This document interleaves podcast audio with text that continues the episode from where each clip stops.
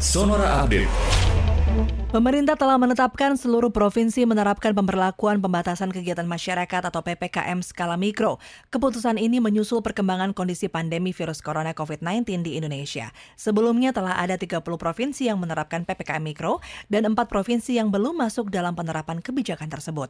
Ketua Komite Penanganan COVID-19 dan Pemulihan Ekonomi Nasional Erlangga Hartarto menjabarkan, tiga provinsi masuk dalam 10 provinsi yang kasus aktifnya meningkat, antara lain adalah Gorontalo, Maluku, dan Maluku Utara. Utara. Kepala Biro Penerangan Masyarakat Divisi Humas Polri Brigjen Polisi Rusti Hartono mengatakan penyidik Bareskrim Polri telah memanggil pejabat BPJS Kesehatan. Pejabat tersebut dimintai klarifikasi terkait dugaan bocornya data 279 juta penduduk Indonesia yang disebut identik dengan data BPJS Kesehatan. Menurut Rusdi, penyidik mendalami soal sistem informasi manajemen kepesertaan BPJS Kesehatan. Penyidik akan menentukan langkah selanjutnya setelah mendapatkan informasi yang cukup.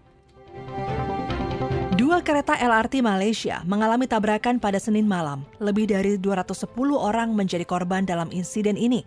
Kantor berita Malaysia bernama menyebutkan tabrakan dua kereta LRT itu terjadi di terowongan jalur LRT Kelana Jaya.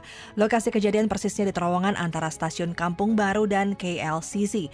Kepala Polisi Distrik Dangwangi ACP Muhammad Zainal Abdullah mengatakan saat musibah terjadi kereta itu melaju dengan kecepatan 40 km per jam. Insiden terjadi diduga karena miskomunikasi di pusat operasi jalur LRT.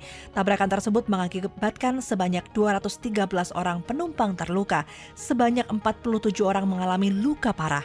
Tidak ada korban jiwa dalam kecelakaan ini. Sebanyak 166 penumpang yang mengalami luka ringan dibawa ke Rumah Sakit Kuala Lumpur dan beberapa rumah sakit terdekat.